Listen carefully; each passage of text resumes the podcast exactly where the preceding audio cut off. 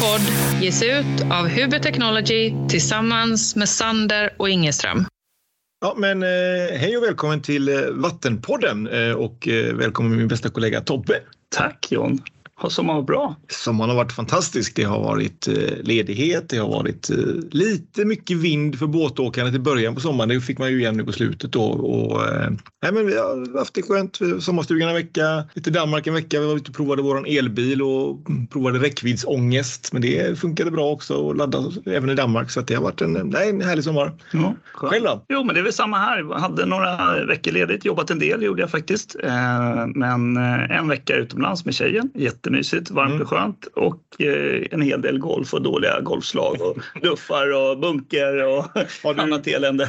Har du sänkt handikappet eller har du ökat handikappet över sommaren? Det är så illa till och med att jag fick ett sånt där mejl ifrån eh, Svenska Golfförbundet att du kan inte höja något mer i år så det är liksom över. Så jag har höjt mig maximalt i sommar. Det är ändå bra att det är lite som elpris. Det finns liksom ett, ett tak hur mycket man får lov att höja sig. Ja, Liksom. ja det vore ju skönt Man om reglerar. elpriset vore Ja, likadant precis. Man tak. Ja, Reglerar det där. Stopp för i år, inget mer. Så att, nej, Nej, men det, det är bara att skratta åt det. Det är ju Ja, ändå bara... Det är ändå bara på lek. Ja, det är liksom spela kula, typ. Ja.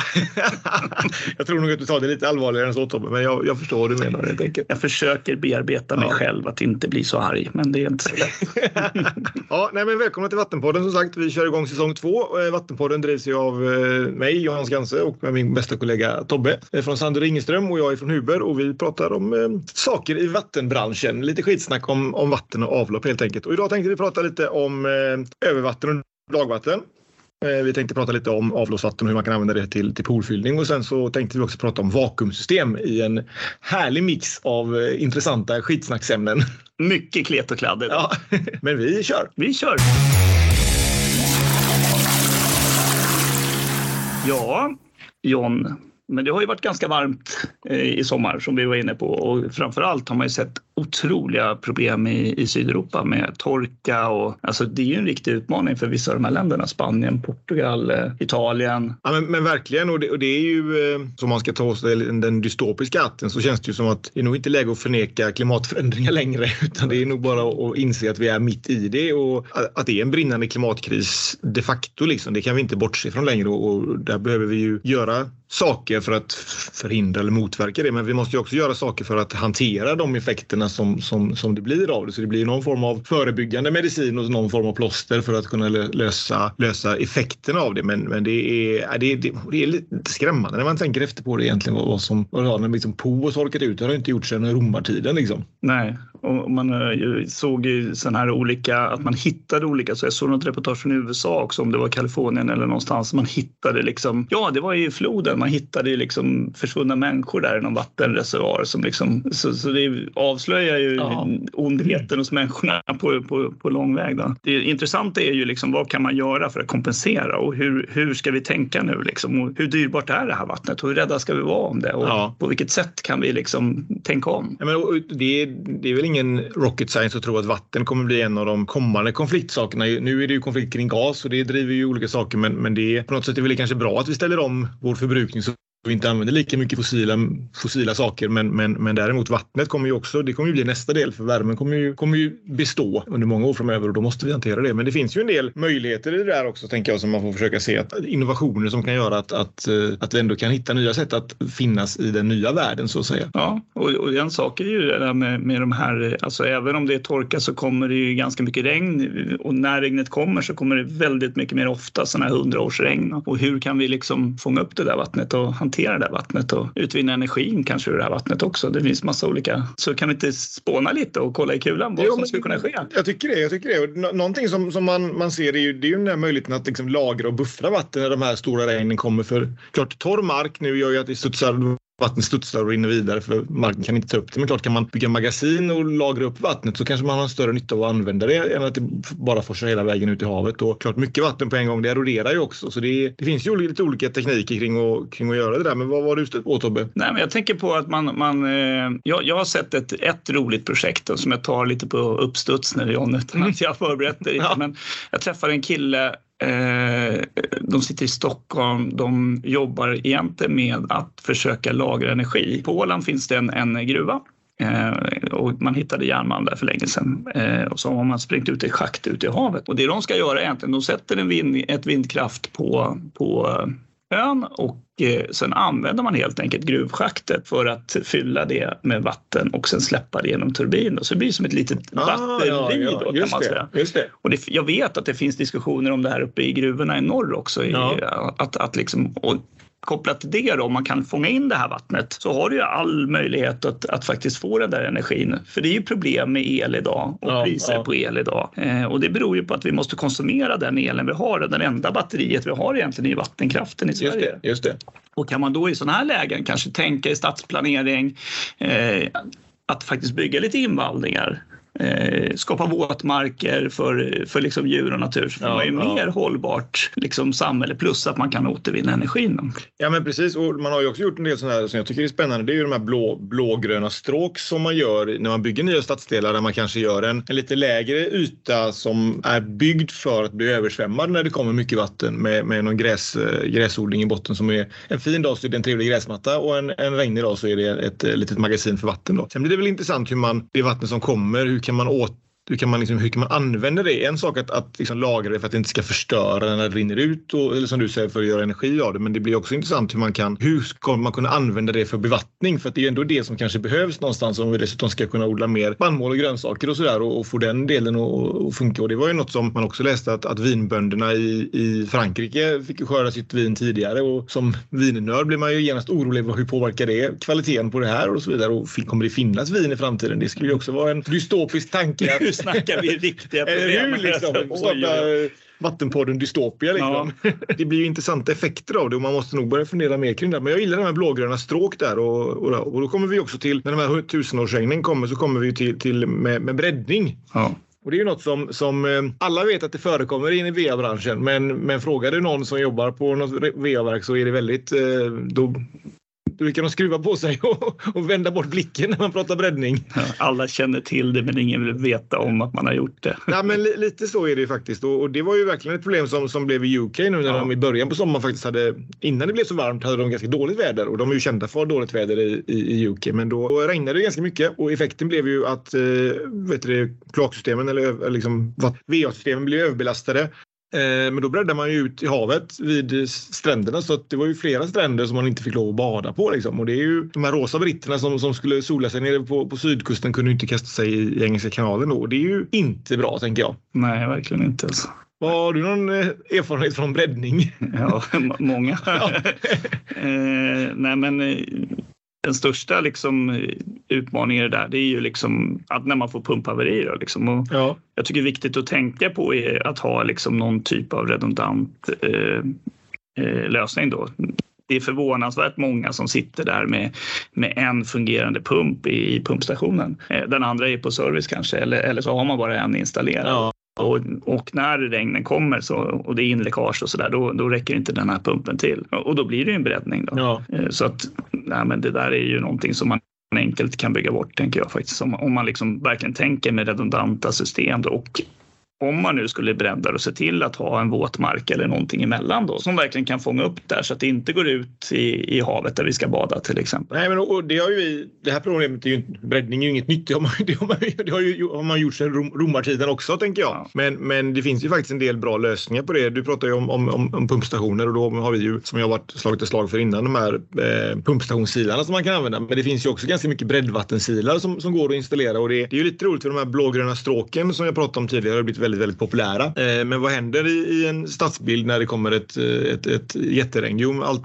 alla papper, alla McDonalds-papper, all, all, allt skräp fars ju med vattnet naturligtvis och hamnar i de här blågröna stråken vilket gör att när de väl sen dräneras då ser det ut som en, en, en smärre soptipp eller Avenyn en lördag morgon liksom, eller söndag morgon. Så att det, det är inte fel heller att köra en sån här breddvattensilning på de här när du blir inlopp till de här ytorna för då kan du ändå behålla skräpet i liksom vattenfasen så att säga och så får du inte ut i dina i dina ytor. Då. Så att, eh, breddvattensilning ska vi absolut eh, slå ett slag för. Och det, det, är lite roligt när vi nämnde UK för de är ett av de länderna som faktiskt har mest krav på breddvattensilning. Ja.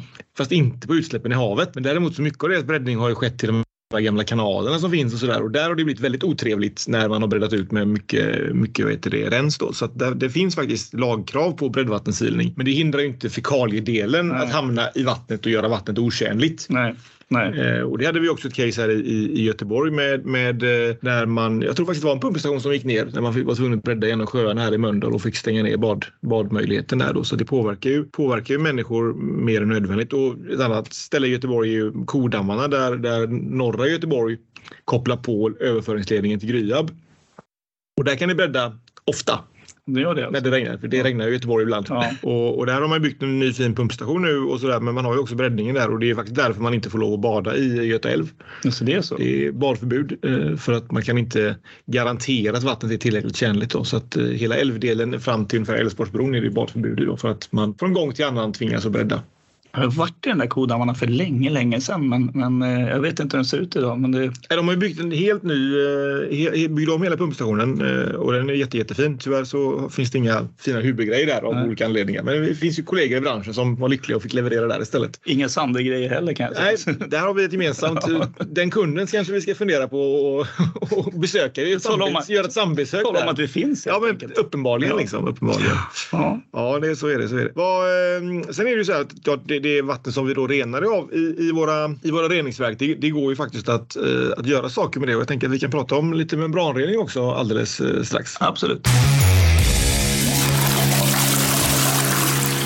Ja, men membranrening är ju ändå en, en kommande teknik, eller den är ju kommande, den, den finns ju mer och mer nu och, och vi på Huber hade ju förmånen att få göra ett, ett väldigt fint reningsverk i Kivik med vår membranrening eh, och ganska mycket andra huvudsaker där och det blev väldigt, väldigt bra och tanken var att man i sista steget eh, skulle haft en, en, en kolrening, en aktivt kol för, för slutpolering så att säga. Eh, den har man fortfarande inte aktiverat och nu har man kört i två somrar i alla fall så det är väldigt kul att se att det fungerat så, så bra som det har gjort där och där pratar ju kommunen om att de vill använda vattnet eh, och sälja det som tekniskt vatten och ha det som, som, som bevattning eller till och med för poolfyllning för att det blir ju tjänligt helt enkelt. Så det är ju riktigt, riktigt coolt tycker jag med, med membraner. Det kommer ju på, det kommer ju mer och mer. Ja, verkligen.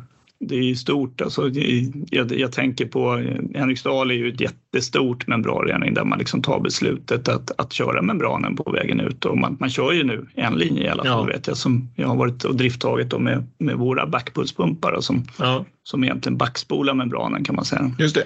Eh, och sen vet jag ju, Syva, vi ska ju bjuda in till Ja, nästa avsnitt precis. tänkte vi. Ja, nästa, nästa faktiskt. Nästa, ska vi ja. eh, ha en, en trevlig diskussion med Syvab hoppas vi på. Vi har inte riktigt, eh, vi kanske spoilar lite nu, men vi har tänkt att eh, ha en, ett tema om Syvab helt enkelt och det projektet som pågår där. För det är ju ett av de coolaste projekten just nu. Om man, Stockholm är ju ändå lite gammalt nu det projektet så det Ja. kan vi prata om när det är klart. Men om vi hoppar tillbaka till, till Henriksdal så var jag där på studiebesök Ja, och de, de visade ju väldigt, väldigt fina siffror på hur, sen de tog den, den linjen i drift eh, så gick ju verkligen utsläppsvärdena ner under vad de hade förväntat sig till och med. Så det är ju jätteroligt att se att det fungerar så bra som det är tänkt där. det finns, det finns ju ett bryggeri i Stockholm som tar vatten i, f- och liksom brygger Ja. över på det. Så att, jag menar, då har man ju börjat verkligen eh, sluta kretsloppet på något Precis. sätt. Det är det bästa att vi gör, gör öl av vattnet också. De gör öl av vattnet. Vi vattnar inte det utan vi gör öl av det. Och jag har smakat det för det Ja. och det smakar Ja, inte ja, skit. nej, nej, nej. utan Det smakar som öl ska Ja, göra. härligt. Ja, nej, men som sagt, vi har ju då en membran i Sverige. Vi har Kivik då, så har vi ju Stockholm, Henriksdal naturligtvis och så bygger Syvab. Ja, Åtvidaberg. Ja, men de var nästan första gången, var det inte så eller? Ja, de var tidigt ute Ja. med sitt membran. Nej, det var spännande och det, det verkar fungera hyfsat i alla fall. Eh, Jag försöker komma på om det var något mer som, som jag har hört talas Ja, men sen en annan kommun där som pratade. Kommer du ihåg när vi hade eh, vattenindustrins möte i Kalmar? Eh, så pratade de om sitt nya reningsverk och de har ju också tankar på att, att, liksom att de ska återanvända Ja, ja. avloppsvattnet in till sin vattenproduktion. Ja, precis. Så det här kommer big tror jag Ja. faktiskt. Och då börjar vi ta hand om liksom vårt eget. Ja men precis och Kalmar kom ju igång nu en vecka bara så. Ja. De hade någon blå matta där och hade någon, och göt någon liten, eh, liten sak där. Så det är roligt att det är igång. Och, och de, är det inte så att, att liksom vattentäkten i Kalmar, är inte det någon gammal ås? Jo, det är det ju. Alltså jag, jag. jag måste säga att jag inte riktigt vet hur deras vattenproduktion Nej. ser ut. Men jag vet ju att det ligger söder om Kalmar där, Vattenverket. Och, Jag, jag tänkte nu, nu spånar vi ju lite som vi killgissar i den här podden ibland. Ja. Har ju hänt. Men, men, men eh, jag tänker att för många av de här liksom grundvattentäkterna då kan man till och med trycka trycka ner vatten i ena ändan. Det har vi pratat om tidigare tror jag. Så får ja. du ut i andra ändan och klart då kan du trycka ner avloppsvattnet från membranrenat vatten i åsen och då får du den sista reningen och så borde du få ut färskvatten på andra sidan. Absolut och så, så måste man kunna göra. Ja, så det, mm, det finns ju möjligheter att hantera vattenbristen. Vi har ju faktiskt varit och kikat på ett fint avsaltningsverk. Just det. Också eh, på Öland. Ja. Och det finns väl en på Gotland nu tror jag. Jag tror de har två i alla fall. Men, men eh, det fina med det är ju att, att eh, nu bor jag på västkusten och gillar ju saltvatten och friska hav och sådär. Och Tobbe, du, du bor ju på andra sidan och, och gillar ju bräckvatten och sådär. Men det fina är att ska man avvattna Östersjön så är ju det mycket smartare för den är ju, den är ju bräckt. Ja, det, är, alltså, det är ju inte särskilt dyrt men däremot ska du avvattna västkustvatten så går det ganska mycket energi till det. Så att, eh, jag tycker det är, det är smart med avsaltningsverk och tänker man på det så har ju vi då faktiskt hela Östersjön som dricksvatten vattentäkt om vi ska vara lite snabba och smarta. Ja, precis. Och sen är det väl ändå en kombination av alla de här olika möjligheterna som behövs i framtiden. Jag tror inte liksom att man bara ska bygga avsaltningsverk och så bara leva på Östersjön och man ska återvinna vattnet och på något sätt liksom med många olika möjliga tekniska lösningar komma framåt för att lösa framtida ja. vattenfrågor i Sverige. Eh, så det är kul. Ja, det är coolt. Ja, men, men membranrening, det är som sagt det är cool teknik som kommer och det finns ju lite olika tekniker där men vi kan säkert göra ett, ett, ett dedikerat avsnitt om eh, membranrening i framtiden tänker jag. Ja, det måste vi göra. Ja. Ska vi snacka lite vakuumsystem också då? Ja, det kan vi göra. Ja. Det här märker man ju när man är på tåg och, och flyg och, och festivaler, festivaler och fartyg. Det är ju ett sätt att, att liksom ta hand om avloppet naturligtvis. Då. Ja, och framförallt får du betydligt mycket mindre vatten. Du, du, du skitar ju inte ner massa färskvatten Nej. när du har ett vakuumsystem. Så det skulle ju kunna vara en, en lösning på vattenbrist. Alltså, eller att använda vattnet till bra saker istället för att, för att blanda det med fekalier som kanske känns lite, lite dumt. Jag läste några siffror på det här och jag, är inte, jag vet ju inte om det, nu får jag killgissa igen då. Ja, men, men, jag hörde någonstans att en, eller läste att en person gör av ungefär, gör av ungefär med 30 till 35 liter per dag när man spolar på en vanlig konventionell toalett. Toalettvatten, ja precis. Medan i ett vakuumsystem så pratar man om betydligt mindre, under en liter ja, ja. per dag. Eh, sen när man tittar på hur vakuumpumparna fungerar i sig liksom, så kräver de ett visst smörjvatten ska man veta också. Ja, det är en vätskering som man bygger upp med en sån pump. Då. Och energimässigt kan man väl säga också som baksida på det där. Att det, det, kräver lite energi också att, att skapa det här vakuumet och det är lite känsligt i vissa lägen skulle jag säga. Ja, men, och jag tänker också att, att liksom, vakuumet är ju bra men, men som, precis som du säger energi och känsligt för att alltså, bygga stora vakuumsystem. Du kommer ju få läckage liksom, hur det än är. Ja. Och, och, då kommer du liksom sitta och försöka bygga vakuum och det är ju som att pumpa luft eh, i rymden. Liksom. Alltså det, du, du, kommer ju pumpa, pumpa, pumpa för att bygga det här vakuumet och läckaget kommer hela tiden och, och vara där i alla fall. Liksom. Så att, att, att, du ska kunna få täta vakuumsystem tror jag nog är, är är svårt. Jag, jag minns att, att, och det är också länge sedan nu, att, att det fanns ett system utanför Björklinge i Uppsala då, där, där jag levererade vakuumpumparna till själva centralenheten. Då. Rätt stora vakuumpumpar ändå, så det var inte, inte lite, men, men det var ganska mycket underhåll. Och, ja. och så jag, jag, tror på något sätt, som vi är inne på, då, att båtar, festivaler, eh, där tåg, flyg, eh, där funkar det här vakuumsystemet. Ja, och sen låta liksom den normala avloppshanteringen ta vid sen med självfallslinjer ja. och så vidare. Vad jag tror. Ja. Nej, men jag, jag, jag tycker det låter som en bra gissning och vi, vi, vi, vi pratade lite om häromdagen också med, med tre rör ut som man kör nere i, i Helsingborg. Och det är ju ett coolt, alltså coolt att man provar nya saker och, och men när man då har liksom gråvatten som är lättrenat. Du har svartvatten som, som är, kräver lite mer reningsprocess och sen så har du ju äh, matavfallet då som du pumpar. Men var inte ni inblandade och skulle pumpa det? Jo, jo ja. absolut. Vi har pumpar för matavfallet nere i Helsingborg där. Eh, och då samlar man ju upp det här eh, i, ett, i ett kärl egentligen så kommer man ju hämta det och sen har man ju gasproduktion då, biogas okay. på det sen. Då.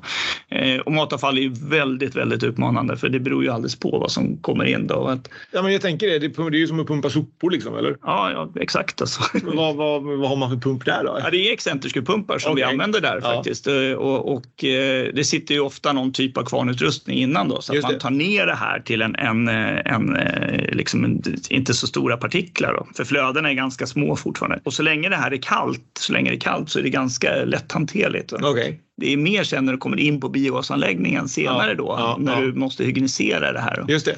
Och då händer det saker. Va? För då, då blir det blir helt nya eh, pH-värden, helt nya Ja, du får massa kemi, kemiprocesser i det där. Ja, som då, är, liksom. som är dessutom varierande över tid. Då. Så, så i, I Tekniska verken i Linköping där som jag har varit tusentals gånger med. Och ibland går det jättebra där med våra hyggpumpar. Liksom. Och sen helt plötsligt så kommer det in någonting och det måste ju ha med maten att göra eller man får ett, en tankbil med jordnötssmör som har gått ut eller vad det nu är. Liksom. Ja, ja, ja. Eh, så, så ändrar sig kemin helt och man måste hela tiden anpassa liksom, pumpen efter hur det ser ut då. Va? Det är ju intressant. Vi tänker att I vanliga fall så brukar man pumpa liksom ganska jämna media. Även avloppsvatten är ju, det varierar men det är ju ändå ganska jämnt. Men som sagt, jag kan tänka mig att matavfallet verkligen kan, kan svänga i, i det. Men hur funkar det att pumpa fett och sådär? Där? Liksom, Fett är ganska enkelt också så länge det är kallt skulle jag säga. Ja, okej. det, det gäller att liksom hitta rätt eh, gummimaterial för det är också excentriska pumpar primärt Ja, man ja, använder där. ja. Sen när det blir varmt då, när det kommer in på det händer saker och du, du tappar mjukgörningen i gummit och byter från EPDM till eh,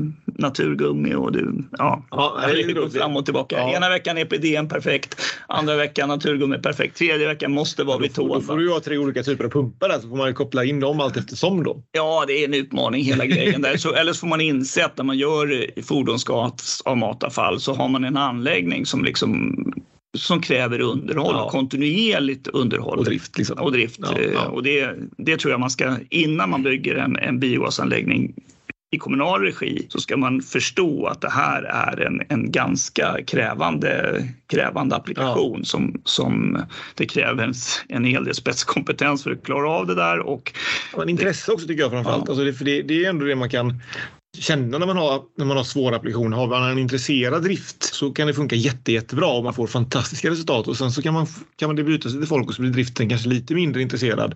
Och all of a sudden så blir en jättebra referens blir inte alls bra för att man, man, man inser inte att eh, liksom när man finlirar med tekniken så, så måste man vara intresserad och aktiv i det. Och, och de som säger att, att allting är helautomatiserat, visst är det det, men då kommer du aldrig kunna driva grejerna på sin, på sin spets. Du kan hitta en bra lägstanivå, men, men ska du liksom få ut maximalt av fin utrustning som du köper så behöver du vara lite intresserad i driften. Det är, det är ändå. På tal om det förresten, vi, vi avvattnade lite matavfallsslam en gång. okej. Eller det gör vi flera, på flera ställen. Men så körde man fast och så kom ja men den har kört fast där och det har gått sönder så vi kom dit och rev isär maskinen och då fick vi ut 12 gafflar eller någonting. Så Ja, Matavfall, ja men inte, inte liksom metallavfall med maten. Liksom. Nej. reklamation, reklamation. Ja, ja, gafflar. precis. precis. Nej, det var, gick, inte på, gick inte på reklamationen helt enkelt. Nej, Jag, jag vet inte om vi, om vi har pratat om det förut, men jag tar ändå liksom på skillnaden. På, jag gjorde tillsammans med en entreprenör ett ganska stort jobb på en, en biogasanläggning i Norge. Då. Eh, och bara för att förklara komplexiteten, alltså de kommer ju då från VA-branschen, man pratar TS då, och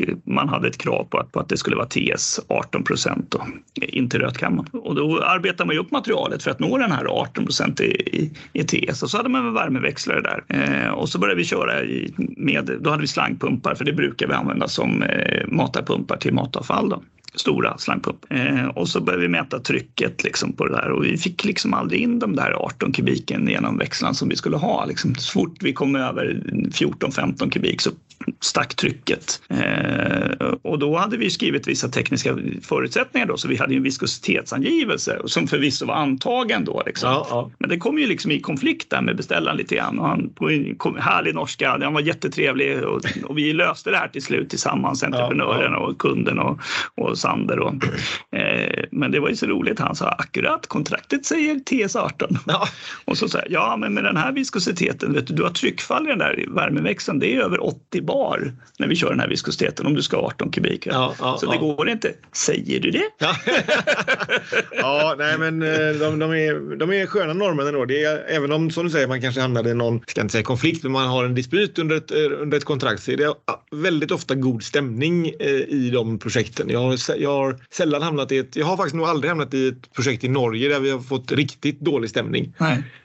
Det har hänt i Sverige kan jag säga. Ja, det, det kan jag tänka mig. Ja, precis.